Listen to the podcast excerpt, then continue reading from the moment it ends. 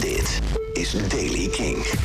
Vandaag is het bewolkt. In de ochtend kan er mist voorkomen. Maar hier en daar zijn er ook wat opklaringen. En het is nog steeds vrij zacht met 9 graden. Nieuws over Pinkpop en Sam Fender. Dit is de Daily King van vrijdag 17 december. Michiel Veenstra.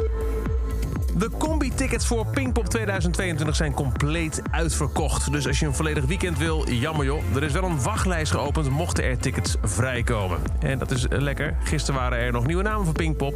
Toen waren er nog 250 combi-tickets en die zijn volledig uitverkocht. Vrijdagtickets zijn ook uitverkocht. Je kunt nog wel voor de zaterdag of zondag losse kaarten kopen.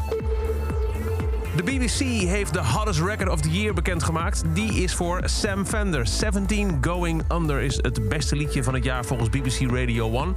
Wat het beste liedje in Nederland is, dat kun jij nog bepalen. Vrijdag 24 december zenden we de playlist of the year uit. De 100 beste liedjes van het jaar. En stemmen daarvoor doe je via kink.nl.